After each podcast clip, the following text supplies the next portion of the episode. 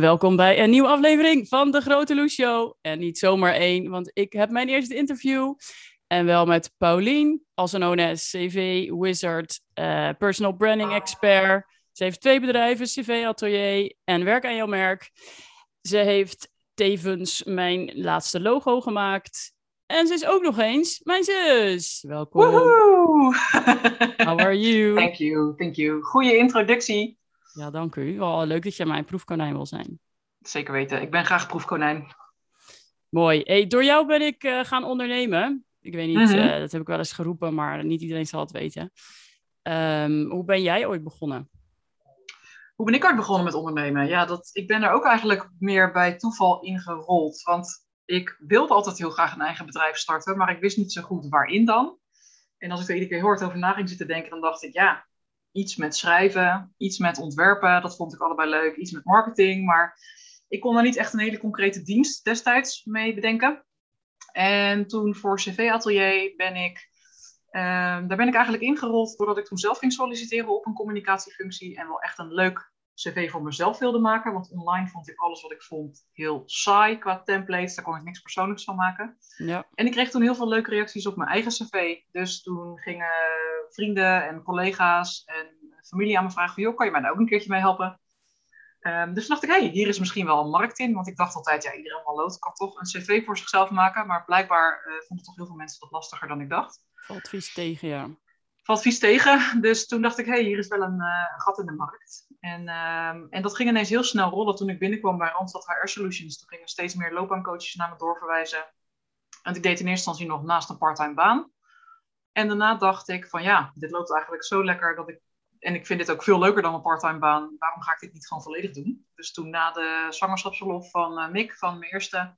Toen eh, heb ik mijn baan opgezegd en ben ik gelijk eh, totaal gaan ondernemen. Dus dat was vanaf eh, 2016. Dus Ja, alweer zes jaar. en dat ging best wel snel goed, toch? Want jij was, jij was al best wel snel bij mij ook een beetje aan het polsen. Van, joh, wil je niet meedoen? Moet je niet ook wat leuks gaan doen? Omdat jij wist dat ik ook wat creativiteit miste in het bedrijfsleven. En ja, voor mij was dat echt nog een hele grote stap. Maar Ja. als je er eenmaal in, als je er eenmaal uit bent, dan is het ineens zo van waarom doet niet iedereen dit? Waarom heb ik dit niet eerder gedaan? Ja. precies. Ja, maar ja, Ja, ik, denk het wel. Ja, weet je, bij mij, eh, ik had inderdaad gewoon de luxe positie dat ik gelijk al meer werk had dan ik aankon. Want daardoor heb ik dus inderdaad mijn parttime baan opgezegd. En toen op een gegeven moment kreeg ik 10 cv's in de week. Toen dacht ik, ja, ho even, dit wordt ook in mijn eentje een beetje veel. Dus ik ben eigenlijk vanaf het begin al aan het zoeken geweest naar manieren van hoe kan ik dit uitbreiden? Hoe kan ik er mensen bij betrekken? Ehm, en of het businessmodel veranderen. En daar ben ik eigenlijk nog steeds mee bezig. Want ik, ik vind nog steeds CV-atelier ernaast ook heel leuk. Maar inmiddels ben ik dus meer doorgerold naar werk aan jouw merk. Ehm, waar ik veel meer de diepte in kan met ondernemers. En ik vind het werken met ondernemers ook gewoon heel leuk. Omdat dat toch meer mijn crowd is. Juist omdat dat ook mensen zijn die hun eigen pad volgen. ja, Dus ik ben altijd nog een- vooral aan het zoeken naar een goede combi tussen die twee bedrijven. En hoe kan ik die hoeveelheid werk goed, hoe zeg je dat? Ja, laten doorstromen of zo. Het is echt een luxe probleem. Iemand vroeg ook laatst aan me van, heb je dan niet heel vaak gedacht om weer terug te gaan in loondienst? Ja, eigenlijk nooit. Ik heb nooit die twijfel gehad van, kan ik dit wel? Lukt dit wel? Juist omdat het gewoon vanaf het begin gelijk zo druk was altijd. Eerder te druk Ja. dan dat ik te weinig te doen had. ja, en vanuit CV Atelier deed je al iets onder de noemer werk aan jouw merk. Ja. Ehm, Voor ondernemers of freelancers die echt meer de diepte in wilden gaan en meer een merk van zichzelf wilden maken in plaats van alleen een mooi cv, zeg maar. Ja. Want is dat voor jou nu, ehm, gaat CV Atelier nu uitgefaseerd worden, denk je? Wordt werk aan jouw Nou, daar merk? heb, ik dus, daar heb ik heel lang over zitten twijfelen. Ehm, want CVLTA is natuurlijk wel echt mijn kindje. Dat heb je ook in zes jaar tijd opgebouwd. Ik heb eh 2000 volgers daar inmiddels op in LinkedIn. En ik heb al meer dan 700 cv's gemaakt. En ik krijg daar ook gewoon nu nog steeds aanvragen voor. Terwijl ik er nu dus al een half jaar bijna niks aan doe. Dus Ja. het voelt gewoon als zonde om dat te laten lopen. En ik vind het ook nog steeds leuk om werkzoekenden te helpen om zichzelf op een opvallende manier te presenteren. En niet zo saai, zoals iedereen het doet. Dus ik, toevallig was gisteren Bent online hier bij mij op kantoor. En toen hadden we het ook over andere businessmodellen. Ik dacht, ja, ik zou eigenlijk vrij simpel dat nog wel door kunnen laten lopen met bijvoorbeeld eh, het verkopen van cv-templates en die online cv-training die ik al heb staan, die ook nog steeds verkoopt. maar die veel meer zou verkopen als ik daar meer marketing voor zou doen. Ja. Ehm, dus ik heb inmiddels wel een plannetje om daar weer gewoon wekelijks voor te gaan posten. En dus meer die training weer te gaan verkopen. En eventueel aanvullend ook cv-templates. Maar ja, De, het eeuwige dilemma is gewoon hoe ga ik dat inderdaad qua tijd verdelen met werk aan jouw merk. Want daar ligt natuurlijk nu vooral de focus op. En dat vind ik ook heel leuk om te doen. Dus ik vind gewoon te veel dingen leuk. Dat is denk ik. Ja, dat, dat is wel bekend. maar cv-atelier CV onder werk aan jouw merk gooien, dat, is dat een optie voor jou? Want op zich kan het natuurlijk gewoon een van de uitingen zijn die jij maakt. Je, jij doet een één op één uh, branding traject met ondernemers. En daarin kunnen ze vijf, geloof ik, hè, vijf uitingen kiezen als eindproduct. Dus um, LinkedIn, website, tekst, logo. Ja, uh, vul maar aan. Daar kan je wat je wil. Alles kan inderdaad. Nee, ja, ik heb er ook wel over na zitten denken hoor. Want in eerste instantie had ik natuurlijk ook werk aan jouw merk het idee om daar inderdaad meer een soort van verlengde te maken van CV-atelier. Dus dat ik dan personal branding trajecten zou aanbieden voor ofwel werkzoekenden ofwel uh, ondernemers. Um, maar ik dacht, ja, werk aan jouw merk vind ik gewoon echt veel leuker om de diepte in te kunnen gaan met ondernemers. Omdat je daar natuurlijk echt een persoonlijk merk op gaat bouwen. En een cv is meer een mini-merkje eigenlijk voor, voor werkzoekenden. Ja, echt een klein um, visitekaartje eh, gewoon. Precies. En, en ik merk dat de doelgroep die ik daarmee aantrek, dat zijn ook wel vooral ofwel dus de werkzoekenden, ofwel uh, loopbaancoaches die iemand zoeken die hun kandidaten daarmee kan helpen. Uh, en daar zit dan wel inderdaad af en toe een ondernemer tussen die het uitgebreider aan wil pakken, maar die verstuur ik dus nu door naar Werk in jouw merk. Um, dus het zijn wel echt twee hele aparte doelgroepen. En dat merk ik ook wel in mijn social media uitingen. Dat op LinkedIn heb ik echt een heel groot netwerk aan ook veel loopbaancoaches, uh, arbeidsmarktexperts. En, uh, en, en op social media zijn dat veel meer de ZZP'ers die me volgen. Ja. Of op uh, Instagram. Dus ja, dat, die verdeling merk je nu al dat die toch automatisch een beetje aan het ontstaan is. Dus ik denk niet dat ik ze weer op dezelfde hoop ga gooien. Nee, en ik denk dat je bij freelancers, bij freelancers speelt veel minder het hele personal branding stuk. Die zitten toch vaak meer soort van ja, niet als uitzendkrant, maar die zitten meer in het bedrijfsleven als een, als een, een soort. Um, ik zit te zoeken naar zo'n uh, een chameleon. Ja, die, die, oh. die, die, die, vallen gewoon binnen het bedrijf waar ze voor werken. Ja. En zodra je meer in de dienstverlening komt, dan ja, moet je toch meer van jezelf echt een merk maken en een, ja, meer een bedrijf in plaats van een soort van ZZP'er die zichzelf alleen maar verhuurt. Ja. Toch? Klopt. Um, waar laten volgens jou nu veel ondernemers kansen liggen qua personal branding? Zit er nog een groep tussen die er nu niks mee doet, die er wel mee gebaat zou zijn? Uh, ik denk dat ja, iedereen is natuurlijk uiteindelijk gebaat bij personal branding, maar wat, wat de, de grootste gemiste kans is bij, bij heel veel ondernemers, is dat ze gewoon hetzelfde doen als iedereen.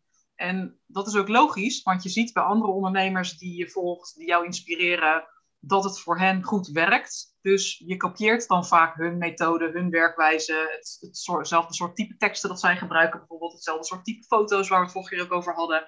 Dat je heel, veel, uh, heel veel van die hele mooie gestileerde uh, beige en witte foto's ziet, waar niks mis mee is. Maar juist doordat je het al bij zoveel ondernemers terug ziet komen, vraag ik me dan af, is dat hoe ze echt zijn? Mm. Of passen ze dat toe omdat ze denken dat het hoort bij hun uh, branche en dat, het, dat dat werkt? Het is ergens een beetje veilig veilig en inderdaad denken van nou, dit heeft die ander succes opgeleverd. En heel veel mensen vinden het ook mooi, die, die hele neutral tinten Instagram foto's. Maar doordat dus iedereen dat mooi vindt, doet iedereen het en ben je inderdaad meer een van de. Ja, precies. En daardoor onderscheid je je ook niet van de rest. En ik, ik merk dat gewoon heel veel mensen bijvoorbeeld ook op hun website en op hun social media dingen delen waar ze goed in zijn en wat ze doen, wat logisch is. Maar al jouw vakgenoten zeggen dan ook hetzelfde. Dus ik vind, ik heb bijvoorbeeld een tijdje terug uh, toevallig achter elkaar een aantal HR-managers gehad waar ik mee aan de slag ging. En alle HR-managers die zeggen bijvoorbeeld: Ik hou ervan om mensen te verbinden. Ik ben echt een mensenmens. Uh, ik ga graag met mensen kijken naar hun talenten en hoe die verder uit kunnen diepen. Dan denk ik, ja, iedere HR-manager zegt dat. Dus waarom moet dan iemand die op zoek is naar een HR-manager jou kiezen? En daar kan je juist het verschil in maken met personal branding. Door te zeggen: van hè, mijn collega's omschrijven mij altijd soort van als de moeder van het bedrijf waar je even gezellig een kopje thee bij gaat drinken. Dat schetst een heel persoonlijk beeld van wie jij bent. En Ehm, dat stukje missen denk ik heel veel ondernemers. Ze roepen inderdaad hetzelfde als alle vakgenoten. En ja, en inderdaad, branding zorgt ervoor. En die focus inderdaad op wat ze doen en wat ze kunnen. Terwijl, in plaats van wie ze zijn. Ja, terwijl meestal word je gekozen op wie je bent. En op of je matcht bij de klant of of je matcht bij het bedrijf waarvoor je wat wil doen. Ja, ja ik denk dat de, de reden dat jij gekozen wordt door een klant is vrijwel altijd gunfactor. Gewoon dat ze je leuk vinden. Gecombineerd met dat ze je vertrouwen. Dus je moet natuurlijk ook wel je expertise laten zien. Ehm, en je enthousiasme voor je werk. Eigenlijk iedere klant die mij benadert zegt: Ik ga aan op jouw enthousiasme. Jij post gewoon zo enthousiast over je eigen vakgebied. Jij vindt het zo tof. Uh, daar wil ik gewoon mee werken. En dat wil ik ook uitstralen, dat enthousiasme voor mijn vak. En ik denk dat, dat dat is ook echt wel mijn gouden ingrediënt, mijn enthousiasme. En daardoor heb je ook die gunfactor en denken mensen, hé hey, Pauline, die is gezellig, daar ga ik lekker mee aan de slag samen. die uh, nemen bij de hand. En ja, dat krijg ik toch vaak terug van, uh, van klanten. Dat je gewoon, ja, jij, jij wilt toch ook samenwerken met ondernemers waarvan je denkt, dat zou in het echte leven ook een vriendin van me kunnen zijn of iemand die me inspireert? Of, uh... Ja, absoluut. Ja, niet per se vriendin natuurlijk, maar voor mij, ik wil gewoon ook lol hebben met, tijdens mijn werk. Dus mensen die dan lachen om mijn grapjes, dat zijn automatisch ideale klanten. dan ja, precies. Winst. Nee, maar, met budget en zelfspot, dat blijft gewoon de Ja, vooral gewoon inderdaad humor, zelfspot en uh, dat je het gevoel hebt dat je echt met iemand samenwerking aangaat. In plaats van dat je ergens zo van doe dit voor me neerlegt. En uh, achter de schermen voor iemand aan de slag gaat. Ja. Nou, nu hebben wij allebei best wel een hysterische huisstijl. Best wel. Nee, nou ja, voor de mensen die niet, niet nou, die van mij zien ze, maar die van jou is, oh, ik, die is net zo extreem blij en kleurrijk. All over the place, ja. Ben je dan wel eens bang dat je, dat je klanten afschrikt die uh, wel zou willen? Nee, want de klanten die ik afschrik, dat zijn over het algemeen dan dus ook juist de wat formelere, zakelijkere types. Uh, het enige waar ik me af en toe zorgen om maak, met, nou zorgen om maken is een groot woord, maar met mijn huisstijl is, um, en dat merkte ik toen ik net begon met werken jouw merk, dat veel mensen het idee hebben dat ik dus juist vooral de branding, de buitenkant doe, het ontwerpgedeelte. Omdat dat ook hetgeen is wat ze vooral voorbij zien komen. Dus dat is natuurlijk ook logisch. Ja. Uh, en dat je dus snel wordt gezien als een soort van ontwerpmupje. Ehm, terwijl dat juist maar een heel klein gedeelte is eigenlijk van wat ik doe. Want het grootste gedeelte is natuurlijk juist de diepte ingaan, het achterhalen van iemand zijn persoonlijke verhaal, dat vertalen naar een merkverhaal, naar bijbehorende teksten en dan pas naar die bijbehorende huisstijl en branding. Mm. Um, ja, dus dat is natuurlijk veel moeilijker om te laten zien. Precies. Want daar liep jij met CV Atelier al tegenaan. En nu weer, denk ik. Misschien wel, juist door je aanwezige branding, maar ja. ja, daar ligt inderdaad... Ja, maar weet je, die, die branding die zorgt er nu wel voor dat het een soort van het eerste haakje is waar mensen op binnenkomen, waardoor je opvalt. Je en moet ik probeer dus eerst nu opvallen en blijven hangen. Ja, precies. En die, die kennis, door kennis te delen uh, en te laten zien wat ik doe en hoe ik dat doe, bouw je op een gegeven moment ook wel die expertrol op. Ik merk dat mensen die ik dus gewoon telefonisch spreek, of waar ik in de DM mee, mee klets, die, die merken op een gegeven moment ook vanzelf van, oh, je hebt genoeg verstand van marketing en personal capabel. branding. Ze is wel capabel. Uh, en ik had zo'n gesprek toen ook een keer met een loopbaancoach bijvoorbeeld. Die, het was echt zo'n hele autoritaire vent. En dan ben ik altijd in eerste instantie een beetje van onder de indruk. Maar die zei toen van, ja, uh, maar hallo, jij rekent uh, eh, 300 euro voor een cv. Mijn, uh, mijn neefje van 17 die kan dat voor 20 euro doen. Toen zei ik, nou, dan laat je dat lekker je neefje van 20 ja, euro doen. En toen keek hij me echt zo aan. En toen zei ik, ja, sorry hoor, maar ik ben niet een van de mupje die gewoon een leuk cv'tje met bloemetjes voor je maakt. Ik ga echt diepte in en ik kijk hoe ik jou het best kan profileren, kan verkopen bij een opdrachtgever, ja. et cetera. Dus toen zei hij, oh, dus je doet eigenlijk personal branding in zijn totaal. Eigenlijk een deel van wat de loopbaancoach doet. Toen zei ik, ja, ja, inderdaad zei hij, oh ja, maar dat is veel meer waard dan 300 euro. Toen was hij ineens helemaal omgedraaid. Ja, maar, dat ik, is ik heb wel het idee dat je dat altijd soort van moet verdedigen, inderdaad. Ja, het is natuurlijk ook een stukje positioneren en wat je, ja, wat je zelf ook verkondigt op je website of, of uh, social media. Maar heel vaak zien mensen een logo en je foto en dan uh, ze lezen vaak ook niet grondig. Nee. Ja, ja ik heb ook... Echt die teksten. Nee, daarom moeten je teksten ook lekker kort zijn. Maar maak jij je daar wel eens zorgen om dan dat mensen je niet serieus nemen door je, nee, door nee, Nee, ik ben er heel blij mee. Uh, nee, ik denk, ik denk zelfs met mijn, laat, met mijn nieuwe website, die sinds februari dan live is, schrik ik nog meer mensen af. Ik vind Ja, het geweldig. Heerlijk. Ik vind het echt. Het is, de mensen die nu komen, zeg maar, die nu aanvragen, zijn gewoon echt tof. En Ja. ja, er zullen echt wel genoeg mensen zijn die mij echt hysterisch vinden en denken van, jee, wat is dit voor aansteller? En de grote Lucio, ja, pff, noem me een narcist, weet je. Ik heb hier helemaal lol. Ik vind het echt helemaal Ja. prachtig. Maar ja, ja, daardoor hou je wel inderdaad inderdaad die leuke mensen over. het is niet alleen aantrekken, het is ook afstoten met branding. En ik denk dat heel veel mensen gewoon nog te bang zijn om bepaalde groepen af te schrikken, mensen af te schrikken. Ja, maar dat, is, dat geldt natuurlijk altijd met kiezen. Kiezen is altijd eng, ook met het specificeren van wat je doet. Daarmee vallen er altijd mensen buiten de boot. Dus het voelt altijd als in, ja, maar wat dan als die mensen eigenlijk ook mij hadden willen inhuren, maar die doen dat nu niet. Maar ja, juist doordat je het zo onwijs breed houdt en veilig houdt, is het alsnog te vaag wat je doet. Ja, dan gaan er ook gewoon minder mensen juist van je aan, omdat ze gewoon in een soort van algemeen plaatje zien. Denken van dit is voor iedereen. En het is ook wel een beetje angst voor kritiek misschien hoor, want weet je, sommige mensen, die, die- voor hun is het echt veel te ver van hun bedshow wat ik doe, zeg maar, qua Ja, qua foto's en ben, die denken echt wat dapper of zo. Terwijl ik, ik denk alleen maar van ja, ik ben hier gewoon ik heb. Ik heb hier gewoon lol. Maar dat is voor sommigen dan al een soort van heel extreem en eng, omdat dan mensen daar iets van kunnen vinden. En ik Ja. denk dat dat het, dat het eerste is wat je los moet laten als je echt naar een serieus toffe branding wil. Dat je, Ja, ik denk dat wij daar ook niet zo vaak bij stilstaan. Juist ook omdat wij natuurlijk allebei al een paar Ja. jaar mee bezig zijn met gewoon al die gekte online gooien. Eh, dus voor ons is dat al een soort van de norm. En wij zijn zelf juist steeds aan het kijken hoe we dat nog verder kunnen ontwikkelen en nog leuker kunnen maken. Ehm, terwijl we daarmee dan misschien alweer honderd stappen te ver zijn. Voor dat heel veel mensen denken van nou oké, ik vind één accentkleur in mijn branding al wel leuk. Dat hoeven er niet gelijk vijf te zijn. En gifjes en ja, en schooleffecten. Ehm, maar dat, dat- wat dat betreft was ik ook juist super blij met jou als partner voor mijn website. Want ik ben dus ook juist al heel erg van die gekte. Maar jij, ehm, jij weet het altijd wel zo te filteren dat het toch nog een totaal, eh, hoe zeg je dat? Een overzichtelijk totaalplaatje blijft. Of zo. Dat het alsnog clean en goed leesbaar blijft, maar wel met toffe elementen die het wel echt leuk maken. Eh, en die rol heb ik normaal gesproken zelf bij mijn klanten, maar op de een of andere manier bij jezelf is dat veel moeilijker om eruit te filteren van oké, nu wordt het echt too much, nu wordt het Ja. eh, te druk, nu, nu gaat het de teksten overheersen, et cetera. Het is gewoon heel fijn als iemand daar als partner met je meekijkt naar zijn het logische kopjes bijvoorbeeld eh, op je website of in een brochure of waar dan ook.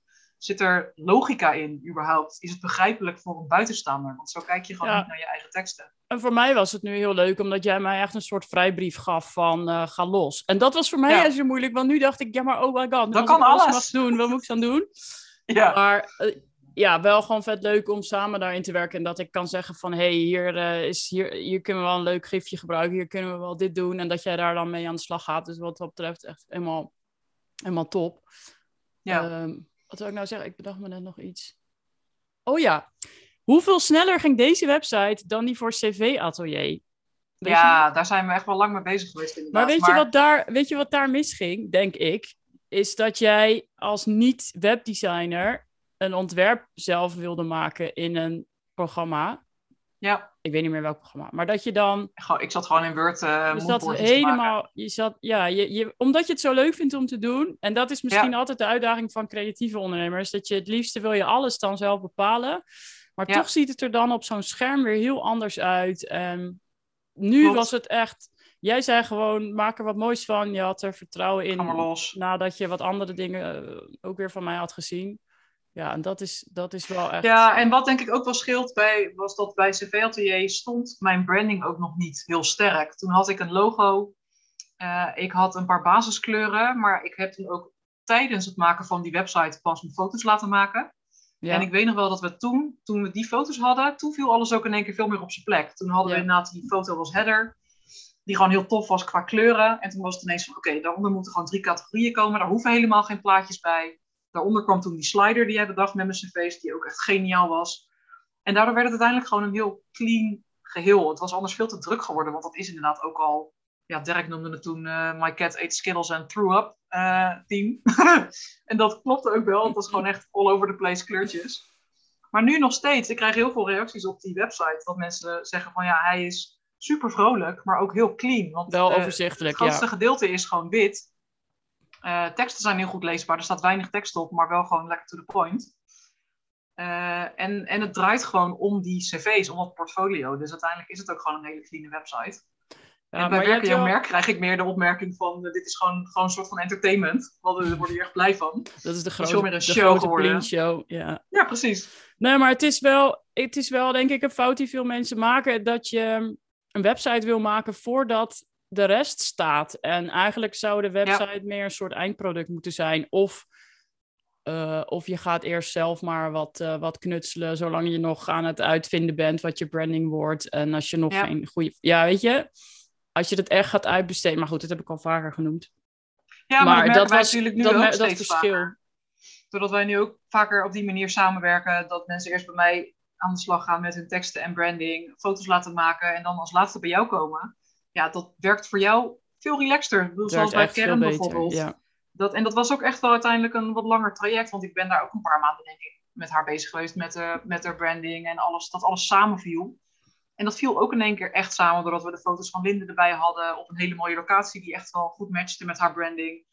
Die had gewoon een heel tof totaalplaatje. En dan Ja. kan jij ook in één keer snel stappen zetten. En dan kan je er ook echt in één keer iets tofs van maken. En dan hoef je niet te gaan zoeken naar... Hebben we überhaupt een foto die we hier kunnen plaatsen? In wat voor kleur moet ik dit blok dan gaan maken? Ja, en meestal gaat het-. Meestal gaat het in omgekeerde volgorde, want heel vaak Ja. beginnen mensen met een website en dan denken ze later, hmm, had ik nou toch maar professionele foto's laten maken? Dan gaan ze Ja. toch misschien nog twijfelen over een logo en een huisstijl, want hebben ze in het begin hebben ze maar zelf wat gedaan en dan gaan ze toch eens kijken, dit kan beter. Ja, En als laatste, wat nou ja, eigenlijk je boodschap is. Dat doen volgens mij echt heel veel Ja. mensen pas als laatste. En dan moet ik eerlijk bekennen dat ik dat zelf ook had. Omdat Ja. eerst denk ik gewoon, ja, ik maak websites. Punt.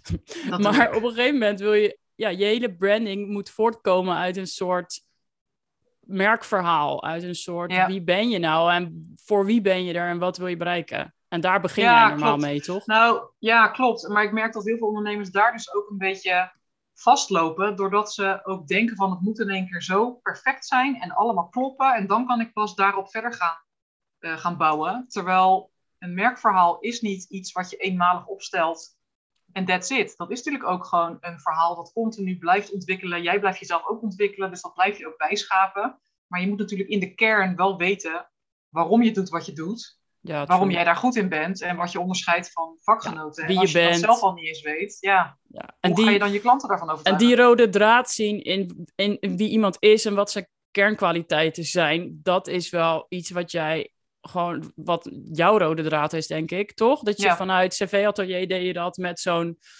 soort van open, openings eh, profieltekstje, waar je gewoon bam, dit ben ik en daarvoor moet je bij mij zijn. Nou ja, dat, de CVLTA was natuurlijk gewoon een hele goede oefening voor. Want ik heb daardoor bij een paar honderd werkzoekenden, eh, op, ben ik gaan zoeken naar een rode draad. En er is altijd een rode draad. Als mensen zeggen, ik heb honderdduizend verschillende functies gehad en nu wil ik weer iets heel anders gaan doen. Als je goed zoekt, is er altijd een rode draad te vinden. Al zien dat ze altijd een steun en toeverlaat zijn voor hun collega's. Of dat ze altijd degene zijn die nieuwe producten opzetten. Er is altijd iets wat zij naar zich toetrekken. Ja. Ehm, waar je een verhaal aan kan breien. En dan moet dat natuurlijk wel ook nog iets zijn wat relevant is voor jouw klanten. Ehm, maar ik vind altijd die, ehm eh die wegwijspiet wel een mooi voorbeeld. Dat was een vrouw die ik in, eh, in een workshop had. En die zei, eh, die had dus inderdaad allemaal verschillende functies gehad en die wilde nu life coach worden. En toen zei ik al van ja, ehm, wat deed je dan in iedere functie? Toen zei ze dus van ja, ik ben altijd een soort van steun en toeverlaat voor al mijn collega's. Dus ik noem mezelf altijd de wegwijspiet. Maar ja, dat ga ik niet in mijn cv zetten. Dus ik zei gelijk, ja, wel joh, tuurlijk wel. Dat is juist super tof, want daar, kan je echt een heel beeldend voorbeeld van maken. Van als life coach eh, neem ik jou bij de hand en ik wijs je de weg. Dus ik ben een soort van jouw wegwijspiet. Dat is, dat, dat is volgens mij inmiddels drie jaar geleden. En ik weet nog steeds dat die Carla in die workshop was. Ja, zo iemand vergeet je daarna gewoon niet meer. Dus als jij zo'n zo'n haakje hebt wat je aan de rode draad in jouw carrière kan koppelen, dan onthouden mensen jou daar ook aan. Maar je moet Ja. wel net zien te vinden wat dat haakje is. En Nou, sowieso, sowieso ben je de concurrenten gewoon al een paar stappen voor. Als je letterlijk op papier zet wat je denkt. En Ja. niet gaat denken van dat kan ik niet zeggen. Of eh, oh, eh, maar dat is niet Is dat wel professioneel. zakelijk genoeg? ja. Ja. en ik heb dus ook nu, nu ik met klanten zo'n content sessie doe vooraf, stuur ik ze een vragenlijst. En dan vraag ik ook gewoon letterlijk waarom moeten ze voor jou kiezen en niet voor de concurrent. En dan, heel vaak is dat antwoord wat ze opschrijven gewoon perfect, omdat het filterloos is. En ze denken, dit geeft gewoon Marloes een indruk. En dan dit kan gaat ik... toch niet letterlijk op mijn website ja, zetten? en dan kan ik gewoon zeggen van, waarom zeg je dat dan niet letterlijk, weet je? Ja. ja dat vind ik gewoon mooi. En vaak praat is... gewoon alsof je tegen een vriendin praat inderdaad, in Ja. plaats van tegen een potentiële klant. Ja, precies. En ja, goed, het moet dan uiteindelijk nog wel gewoon een beetje eh, te volgen zijn en, en overzichtelijk zijn. Maar zeker je pitch, ja, hou hem gewoon lekker persoonlijk en authentiek. Precies. Ja, Ja, we Denk ik we zijn het toch altijd eens. We zijn het meestal wel eens. Hey, maar je bent nu sinds, sinds nog niet... Hoe, hoe lang zit je op Instagram met werk aan je merk? Eh, sinds september volgens mij. September. Dus Want jij jaar. was, jij was helemaal LinkedIn queen, want alles werkzoekenden zitten natuurlijk op LinkedIn. Dat is helemaal jouw doelgroep. Yep. En wat, wat heeft er nu voor jou eh, voor gezorgd dat je toch op Instagram ging? Nou ja, wa- waar we het net ook al over hadden. Ik denk dat qua doelgroep. ehm, er zitten natuurlijk veel meer ondernemers op LinkedIn of op so- social media, op Instagram, dan op eh, LinkedIn. Op LinkedIn zitten die ondernemers ook wel, maar niet zozeer in mijn netwerk. Nog. Dat merk dat het nu wel steeds meer begint te komen. Nu ik ook daar veel meer aan het delen ben over überhaupt branding en huisstijl en teksten schrijven, et cetera. Ehm, maar ik merkte gewoon destijds met CV-atelier dat dat voor geen meter liep op Instagram. Wat ik ook wel snap, want ik denk dat als Ja. ik als werkzoekende zou ik ook niet op zoek gaan naar cv-tips op Instagram. Dan zou ik ook op Nee, LinkedIn gaan zoeken. Je, of nou, je googelt Google. gewoon waarschijnlijk alleen. Ja. Precies. Ehm, en ik vond het ook gewoon leuk om weer een nieuw platform uit te gaan proberen. Ik had zoiets van, LinkedIn heb ik wel een soort van uitgespeeld. Ja. Eh, nu gewoon weer een nieuw merk, nieuwe kansen. Eh, dus ik vind het ook heel leuk om te zien dat die dynamiek echt wel heel anders is op Instagram. Ja. Deels ook echt wel hetzelfde, omdat heel veel Instagrammers juist zeggen van ja, ik weet nooit wat ik moet delen op LinkedIn. Nou, gewoon hetzelfde dus.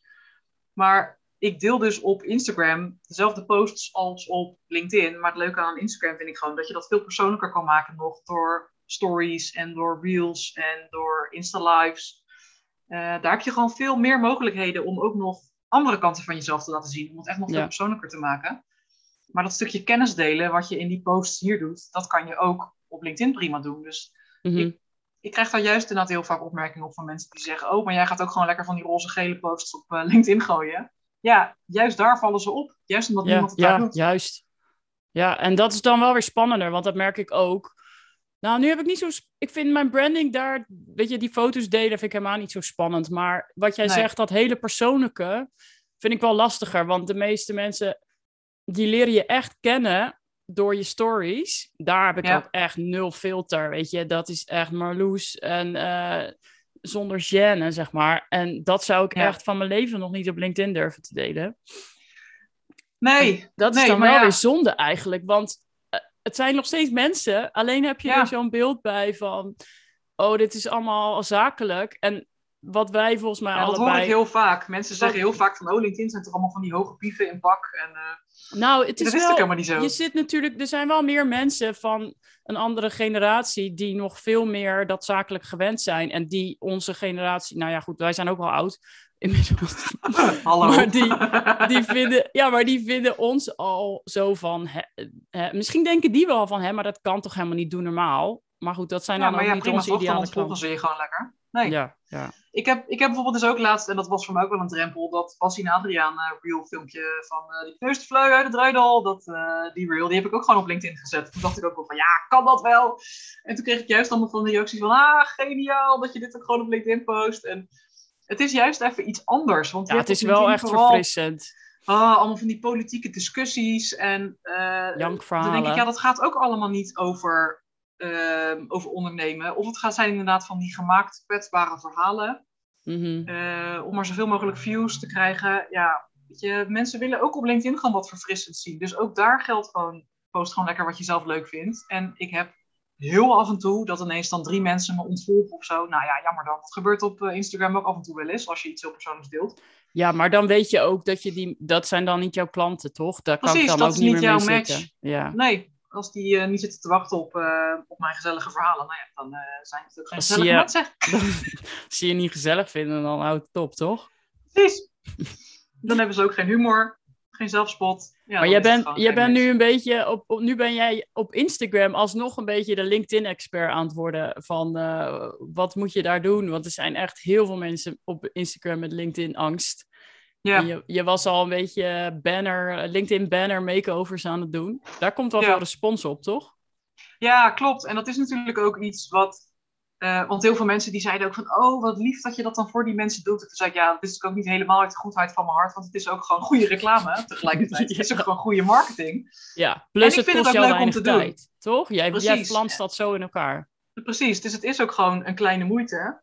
Uh, dus ik vind het ook leuk dat ik daar mensen mee kan helpen. En het is gelijk goede reclame, doordat zij er enthousiast over zijn en er ook gelijk weer over gaan delen. Ja, tuurlijk. Um, dus ik merkte gelijk dat volgens mij die eerste uh, LinkedIn makeovers die ik op LinkedIn plaatste, die kreeg daar gelijk echt 15.000 views of zo. Want je tagt natuurlijk ook al die mensen weer ja, ja, dat gaat hard, een, hè? Uh, een makeover hebben gehad. En op Instagram deed hij het ook goed inderdaad. Dus ik dacht, ja, hier moet ik gewoon meer mee doen. Want inderdaad, in vijf minuten heb ik voor iemand een LinkedIn-header gemaakt in zijn eigen huisstijl. Um, dus daar was ik gewoon letterlijk in een uurtje mee klaar met, uh, met vijf van die makeovers. En, en ja. naar ze toesturen. En daarna, die logo-makeovers duurde natuurlijk wel iets langer. Ja. Uh, maar daarvan heb ik er toen ook volgens mij zeven in één week gedaan. En dat vond ik ook super leuk om te doen. En daardoor kwam ik ook op het idee voor, voor die nieuwe dienst uh, even bellen. Want ik dacht, ja, je kan gewoon in zo'n korte tijd mensen makkelijk vooruit helpen. Je, mm. Ik merkte toen pas hoeveel ondernemers er echt zitten te klooien urenlang in Canva en dingen niet voor elkaar krijgen. En dan krijg je zo'n reactie van, heb je dit in vijf minuten gemaakt? Hoe dan? Ja, voor hun is dat dan een enorm obstakel. Had gewoon even eerder bij me aangeklopt. Want ik vind het ook juist superleuk om dan even met je mee te denken. En, mm -hmm. um, en ik ben ook gewoon, weet je, uh, ik ben ook gewoon heel erg fan van dat tada-moment als je iets gemaakt hebt. dat is ook het leukste. We willen eigenlijk gewoon geen feedbackrondes. Het is gewoon hier, nee. Yay, dit is Alsjeblieft, het. mooi hè? hier erbij. Ja, en door dat naar is wel een dreamjob, ja. Ja, maar ja, iedereen, iedereen houdt natuurlijk toch van erkenning en complimentjes voor je werk. En dat vind ik gewoon heel leuk aan die kleine projectjes. En dat was natuurlijk ook met cv's zo. Daar maakte ik er ook drie van in een week. En dan krijg ik continu, oh, je hebt mij echt goed vertaald naar papier en wat tof. En nou, dan was ik weer blij. En dan ging ik weer door naar de volgende klant. Ja, en nu heb je gewoon een, lang, een langer traject, hè? Want hoe lang, Precies. Hoe lang doe je daar meestal over? Het branding traject? Nou, ik, ik heb natuurlijk nu een stuk of vijf gedaan, volgens mij volledig. En het verschilt heel erg per klant. Want ik trek er sowieso minimaal een maand voor uit, want je bent sowieso al twee weken bezig met het opstellen van iemands uh, merkverhaal, merkboek en een, en een huisstijl die daarbij hoort. Dat, doe ik naar aanleiding van die brainstorm sessie. En daarna ben je ook wel weer minimaal twee weken bezig met het opstellen van die vijf communicatieuitingen. Uh, maar ik merk in de praktijk dat dat echt wel langer duurt. En dat vind ik ook logisch, want uh, het gaat om iemands om de kern van iemands merk. Dus dat moet natuurlijk ook gewoon kloppen. Dus als ik iemand op opzet stuur, dan kan hun eerste instinct ook gelijk zijn oh tof, maar dan toch moeten ze er even over nadenken van, mm-hmm. valt dit echt de kern? Is dit wat ik naar buiten wil brengen? En wat ik uh, bij Kern bijvoorbeeld ook merkte, was dat ze ook zei van, ja, het voelt, ik krijg een beetje zo'n soort van imposter syndrome van, ben ik wel echt zo goed? Kan ik dit wel waarmaken of zo? En is het niet ik zie er beter uit dan te noemen? ja, is dit niet mooier dan de realiteit of zo? Is het wel, is het, kan ik het wel waarmaken? Dat is het meer. Ja. Dus dat zij echt even tijd nodig had om dat te laten bezinken van durf ik hiermee al naar buiten te treden en is het niet op de borstklopperij? En daarna zei ik, nee, dit is gewoon wat jij doet. En door dit naar buiten te brengen, gaan mensen je ook hiervoor vinden en ga je meer opdrachten in die richting krijgen die je tof vindt.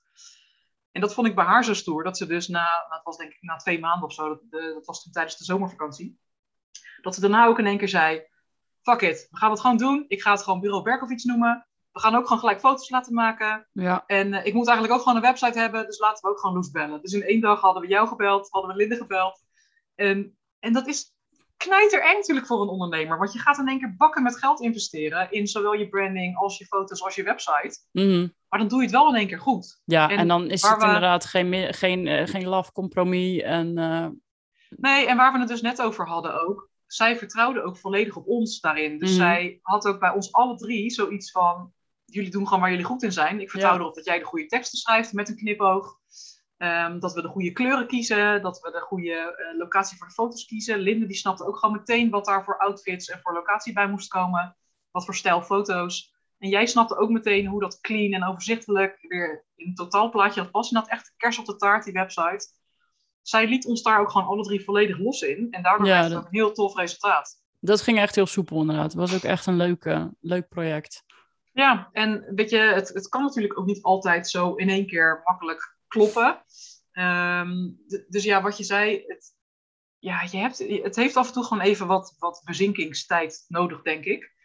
Eh, en dat is ook logisch, want ik wil ook gewoon dat het bij klanten, dat het voor hun gevoel echt klopt. En als dat moment komt waarvan ze denken, dit is het, dan kan je ook in één keer super snel gaan schakelen. En dan heb je ook zo een LinkedIn profiel gemaakt en een cv of een uh, Instagram set schablonen of uh, ja, wat je maar nodig hebt, een brochure. Dan is dat ook zo gedaan, want de basis staat dan al. Dan heb je al de basis van je teksten, de basis van je huisstijl. Dan kan ik dat ook snel doortrekken. En daarom vind ik die totaaltrajecten ook zo leuk. Um, ja, dan, dan klopt gewoon het hele plaatje. Ik kan het niet aanzien als mensen we hadden dat toen ook een tijdje terug. We hebben toen tijdens de V-atelier al een keer, weet je nog, zo'n traject gedaan voor die loopbaancoach, waarbij we toen ook een grafisch ontwerper hadden ingeschakeld. Ik schreef toen de teksten en jij maakte toen de website.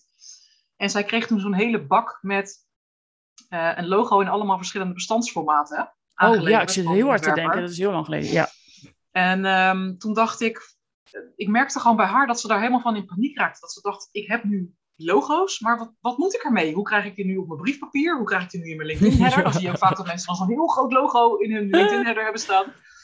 Uh, zij weten helemaal niet wat ze daarmee moeten, hoe ze dat moeten nee. naar de rest van hun huisstijl. Dus ik wilde dat stukje vooral voor ondernemers oplossen. Dat je gewoon in één keer klaar bent. Ik zet het gewoon voor je, je e-mailhandtekening. Ik zorg dat je LinkedIn-header in huisstijl is. Alles dat je templates hebt voor je Instagram. Dat jij er gewoon geen omkijken meer naar hebt. Want er zijn zoveel ondernemers die dat stuk ook gewoon echt niet leuk vinden. Om, om, in Canva te klooien en dat allemaal recht te krijgen. En die zijn er dus inderdaad drie uur mee bezig, terwijl ik het al in twee minuten gedaan heb. Of jij? Ja, maar het is wel ook, het is wel ook een heel groot stuk durven opvallen. Want dan heel, ja, heel veel ondernemers die weten dat ze in theorie personal branding nodig hebben om ja, gewoon op te vallen en om een merk van zichzelf te maken. Maar er is nog wel een verschil tussen weten dat het nodig is en, en er ja, en het durven, want je, ja. je gaat wel jezelf aan de wereld presenteren. Dus ik, ik begrijp ook wel dat dat een heel spannend moment is. Ja. Uh, terwijl dat voor ons allebei echt heel natuurlijk ging. Ja. Maar dan denk je, ja, dan, dan, dan denk je misschien snel dat dat voor iedereen normaal is. Terwijl die hele zichtbaarheid voor echt wel heel veel mensen nog spannend is. Nou, en ik merk dat dat voor heel veel klanten ook wel echt mijn rol is. Hoor. Dat ik echt zo'n soort van schop onder de kont, uh, de cheerleader achter de deur uh, ben. Um, dat ze dan helemaal gehyped naar zo'n sessie naar buiten komen. En denk ja tof, dat gaan we doen. Dat vind ik ook echt super vet. En ik merk dat ze dan dus vaak als ze thuiskomen, dan gaan ze het bespreken met, uh, met hun mm. vriend of met moeder of met een paar vriendinnen. En is het van ja, is het toch niet een beetje te heftig? Kan ik dat wel maken? En dan heb ik ze aan mijn telefoon en dan zeg ik, ja, maar je vond het toch tof en je wou toch die kleuren omdat je een stoere, krachtige uitstraling neer wil zetten en niet meer zo'n lief meisje uitstraling. En is het, oh ja, ja, ja, ja, je hebt gelijk ook. Ja, weet je, we ja, gaan maar doen. sowieso feedback vragen aan vrienden en familie is gewoon een valkuil. Je moet feedback Tenzij vragen ze zelf aan... succesvolle ondernemers zijn. Nou, nou ja, nog niet eens, hè. Niet eens dat. Wel, je, de enige mening die ertoe doet, is die van, van mensen waarvan jij vindt dat ze jouw ideale klant zijn. Precies. Het is natuurlijk wel lastiger om die te vinden misschien en om feedback te vragen. Maar ik zou het dan... Je kan bijvoorbeeld bij vorige klanten polsen of zo. Maar dat heb Ja. ik ook met de website. Dan heb je inderdaad tijdens het hele traject heb je alleen met die klant te maken. Maar dan komt die, gaat hij live en dan gaan allemaal mensen hem zien en daar wat over roepen. En dan staat soms ook nog achteraf de onzekerheid toe. Van, oh, dat is niet zo en oh, dat niet zo. En Ja. Ja. daar moet ik ze misschien ook beter mentaal op voorbereiden. Dat doe ik nu Ja. helemaal niet. Eh, want ja, mensen gaan een mening hebben. Maar die mening, je moet je gewoon afvragen hoe relevant die mening is. En je niet gek laten maken door je kapster die zegt van zo, dat is wel erg roze. Weet je wel? Dat is wel heel heftig. Je- Die Ja. mening is nooit relevant. Nee, dus dat, ja, dat is nogal gevaarlijk. Als jij het maar tof vindt. En dat, en dat merkte ik dus ook heel erg bij, bij Ja, zeker bij destijds ook al. Ja. Ja, ook. Maar iedereen is gevoelig voor wat andere mensen ervan vinden. En, en helemaal mensen die zichzelf expert noemen. Want ik had ook, als ik een cv voor iemand had gemaakt, dan kwamen ze daarna bij drie recruiters. En de ene recruiter die zei dan, joh, je moet eh, je personalia onderaan je cv zetten. En de andere die zei, joh, je moet eh, je oudere ervaring helemaal niet benoemen. Eh, en nog eentje die zei, joh, die profieltekst, die kan wel weg hoor. Dat is helemaal niet zo belangrijk. En dan zat ik thuis alleen maar weer, wat? wat hebben ze gezegd? Nou ja, weet je, zoveel mensen, zoveel meningen. Iedereen Ja. heeft daar een andere mening over. En er is ook niet natuurlijk één waarheid die werkt. Maar je moet gewoon vooral doen wat bij jou goed voelt. En waarvan jij het idee hebt van, dit laat zien wie ik ben. Ja, en dat een beetje Zo wil ik aangedikt, overkomen. toch? Precies, Dat, ja. ik ben ook niet de Mag hele dag eh, Tom Cruise en confetti, maar Niet. mijn hele... Probeer het. Nou, mijn, hele, mijn hele soort van levensmissie heb ik... Nou ja, dat klinkt nu heel, heel groot, maar dat heb ik wel voor mezelf nu al helder. Ik denk van, erg, in welke vorm dan ook, mijn missie is gewoon meer fun en kleur in de wereld brengen. Of ik Ja. dat nou met websites doe, of dat ik eh, over vijf jaar... eh, weet ik veel, ziekenhuizen roze ga verven. Weet je, dat, er, dat is gewoon Ook mijn leuk. kern. En dat straalt mijn branding uit. En Ja. ja, mensen kunnen dat dan leuk of niet leuk vinden, maar ja, wie vindt dat So nou niet leuk? it. Meer fun en kleur. ik wil gewoon meer vinden kleur. Ja, nou ja, je zal maar gewoon to the core badge zijn en daar een hekel aan hebben, dan, eh, ja, dan ben ik niet your Dan moeten ze ook niet bij jou zijn. nee. Nee, maar ja, wij hebben natuurlijk ook wel heel veel overlap in. En ik, heb, ik zit natuurlijk ook heel vaak over na te denken wat dan mijn missie is. Maar bij mij is het ook wel dat stukje fun en kleur. Maar ik denk bij mij is het vooral mensen zelfvertrouwen geven. Om dat te durven doen. En om zichzelf te laten zien. En ja en dan stuur je ze daarna naar mij. Dat is perfect. cheerleader. Ja, en dan maken we daarna nog meer fun van je website. Inderdaad. Ja, maar dat is toch gewoon Jij doet de mental, de mental prep voor mijn website. Ja, de mentale voorbereiding. Om En je te gaan durven. Precies, ja, maar dat is, ja, dat, dat is gewoon echt dat stukje zichtbaarheid. Heel veel ondernemers durven zichzelf ook gewoon nog steeds niet soort van groot op een website te zetten. Dan, dan staat er Nee. ergens op de over mij pagina een foto,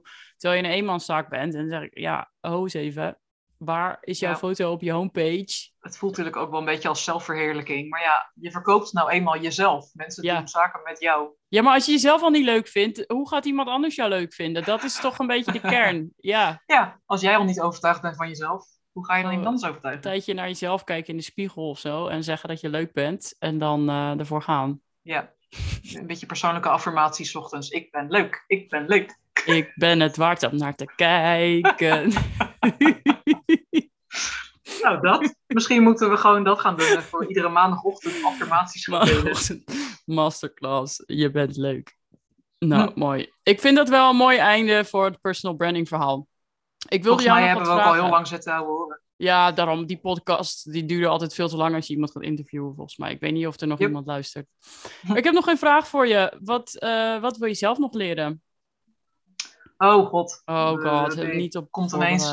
Help, Nee. niet. Nou, ik wil gewoon mezelf blijven ontwikkelen als ondernemer. Dat klinkt lekker cliché, maar ehm, vooral zelf gestructureerder werken. Want ik ben inderdaad nogal impulsief. Van de, als ik een idee heb, dan eh, wil ik in één keer gaan.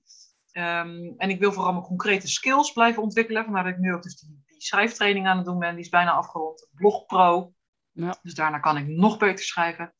En ehm, ik wil hierna misschien juist weer wat meer mijn ontwerpskills gaan aanscherpen. Ehm, ik zit nog te twijfelen of ik iets van een Adobe pakket cursus wil gaan doen. Want nu maak ik juist alles in Canva. En dan denk ik aan de andere kant, Canva is ook juist super handig. Want daar kunnen mijn klanten ook zelf in werken. Mhm.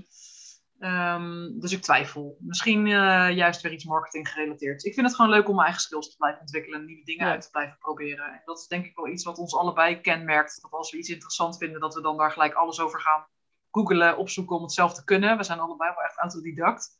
Dat Mhm. vond ik bij jou ook echt geniaal. Dat je toen gelijk gewoon duizend uur aan die tutorials bent gaan zitten kijken.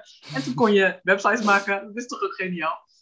Ja, maar het is, dat is Dat. ook echt. Dat, het- weet je, ik vind, ik vind nog steeds kennis, kennistrainingen gewoon heel erg leuk, omdat het gewoon een soort van instant rewarding is. En wat je vroeger op Ja. school deed, daar had je geen, voor je gevoel geen fuck aan, laat ik het even nuanceren.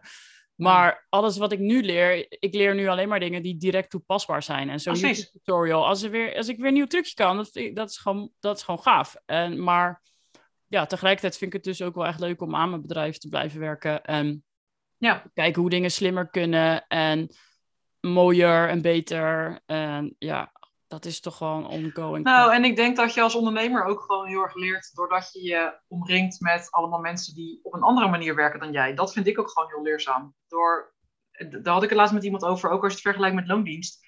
Je leert ook van je collega's, maar op een gegeven moment ben je wel uitgeleerd, want je zit altijd met hetzelfde team mensen. ja. Eh, en als ondernemer verzamel je steeds een groepje mensen om je heen waar je mee samenwerkt, waar je projecten mee oppakt. En van hen leer je ook weer hoe zij dingen aanpakken en hoe zij zichtbaar zijn bijvoorbeeld. Eh, dus ik denk dat je als ondernemer ook vooral leert van het groepje ondernemers waar je je in bevindt. Ja, en ook je- gewoon wie, wie bekijkt, hè? Want dat vind ik ook echt, Ja. echt de grote meerwaarde van Instagram. Ik heb zoveel geleerd van andere mensen door gewoon te kijken naar wat iedereen doet. Precies. Ook, ook juist te kijken naar wat iedereen doet en dan wat anders te doen. Daar leer je ook Ja. ja. Toch? Ja, gewoon weten wat de rest doet en dat dan niet doen. Nee, maar Ja. ook... Er wordt ook best wel veel kennis gedeeld, vind ik, op social media. En daar Ja, heb ik ook wel vet veel geleerd. Daarom. Nou, leuk Dus dat je inderdaad. erbij bent eh, op Instagram, hè? Gezellig. Niet meer Zeker de weten. LinkedIn queen en de Instagram eh, joker. Nee. nou, bedankt. Nu gewoon de zichtbaarheidsqueen. We'll see. Hey, als mensen even met jou willen bellen, wat houdt het precies in en hoe komen ze er? Nou, eh, we moeten hem dus nog even integreren in mijn website. Maar ik heb wel in één dag mijn eh, pagina online geknald. En dat is werk aan jouw merk slash even streepje bellen. Hij komt binnenkort echt wel makkelijker op mijn website te staan. Werk aan je er ook, eh, merk.nl slash even streepje bellen. Ja, Precies. dan kunnen ze een En, afspraak maken. En ze kunnen me natuurlijk altijd ook gewoon even een eh, DM sturen. Even dat mag bellen. ook. even bellen. Ehm, maar wat het inhoudt is dat we dus samen een uur gaan sparren. Dus je legt mij een probleem voor iets waar je vastloopt in je branding. Of dat nou is met je propositie of met je acquisitie. Of iets met je huisstijl doortrekken naar je social media bijvoorbeeld. Of met teksten waar nul persoonlijkheid uitstraalt. Gewoon iets waar je vastloopt waarvan je denkt ik zit hier al veel te lang met klooien. Ehm, dan eh, mail je dat eens even naar mij. Daar bellen we een uur over. Ik doe van tevoren een korte scan van al je online eh, zichtbaarheid. Dus van je social media kanalen en je website bijvoorbeeld. Dus ik kijk ook daar wat quick wins eh, zijn. Of ik daar nog wat tips over kan geven.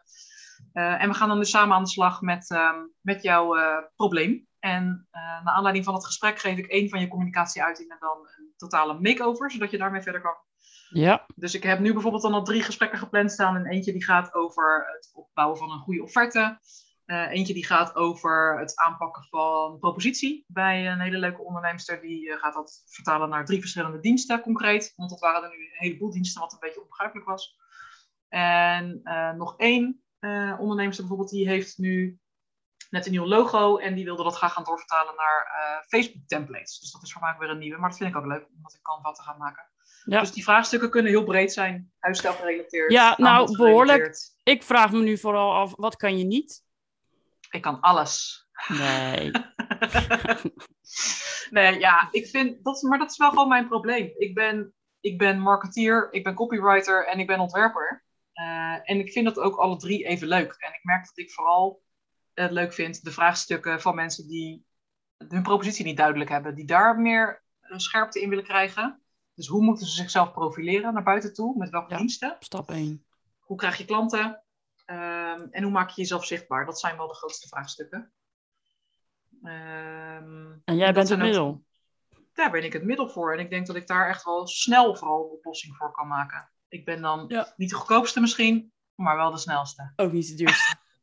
nee, ook niet. Kan Nou, er- leuk. ook nog wel winst te behalen. Trouwens, ik zet wel gewoon even die link in mijn eh, afleveringsbeschrijving. Oh, wat slim. Hey, dat is een goed idee. Heel slim. En dan eh, wil ik jou bedanken als eh, eerste gast van de Grote Loes Show en familielid Nou, jij bedankt. en levensheld. Ja. En de groet aan je moeder. Levensheld. Hetzelfde. Goed aan je moeder. Doei! Doei.